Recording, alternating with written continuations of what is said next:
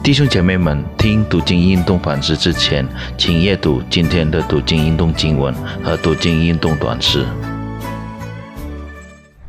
主所爱的弟兄姐妹们平安，感谢主的恩典，今天能够与大家分享。我们先祷告，预备我们的心来反思。主啊，我们感谢你，今天我们有机会。来思想，来聆听你的话语。我们把这一段时间交在主耶稣的手中，求圣灵在我们的心里动工，帮助我们，让我们可以明白你的话语，然后可以把你的话语实行在我们的生活当中。感谢主，我们祷告奉靠主耶稣的名，阿门。今天反思主题是。再次被接纳。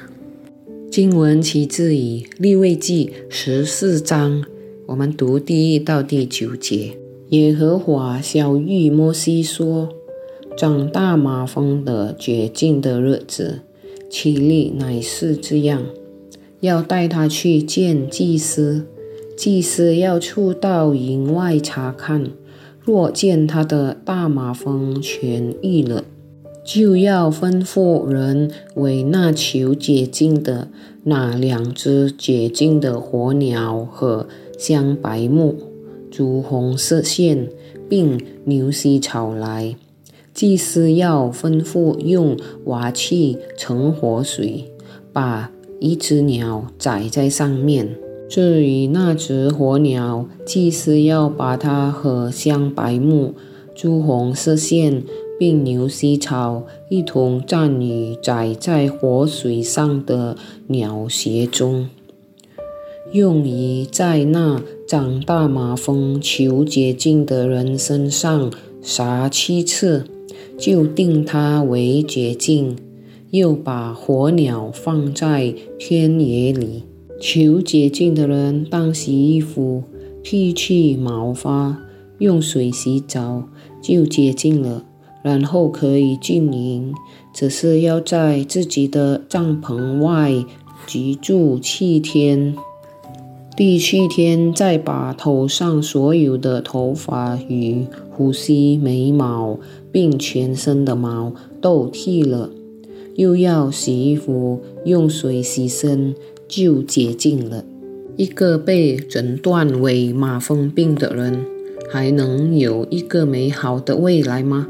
是的，本日经文明确指出，在经过程序确保麻风病人真的痊愈后，他就可以重新被接纳。祭司不能只在会幕里等待，而必须去以色列人的营外来查看麻风病人的状况。祭司是子民的仆人。如果祭司按照利未记第十三章的指引进行了检查的程序，并确信麻风病人已经痊愈，他将在这个人所居之地为他举行仪式。麻风病人将其两只洁净的火鸟，香白木。朱红色线和牛膝草，用瓦器盛活水，把一只鸟宰在上面，另一只鸟连同香白木、朱红色线和牛膝草一同站于载在活水上的鸟穴中，然后把所有举起来。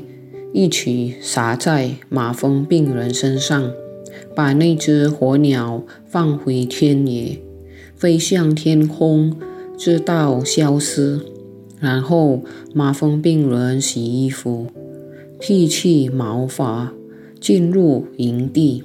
然而他必须在帐篷外居住七天，在第七天，他必须剃掉所有的头发。呼吸、眉毛，并全身的毛，这是为了确保他身上没有任何残留的污秽物。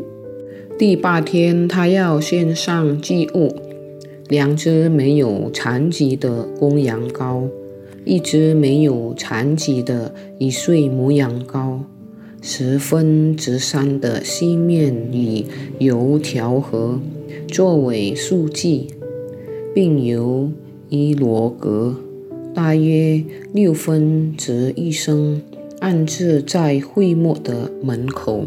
如果他很穷，则需要献上一只公羊羔作为赎罪祭，十分之一的细面用油调和作为素祭，由伊罗格，还有两只斑鸠或两只雏鸽，只要他能负担得起，一只作为赎罪祭，另一只作为反祭。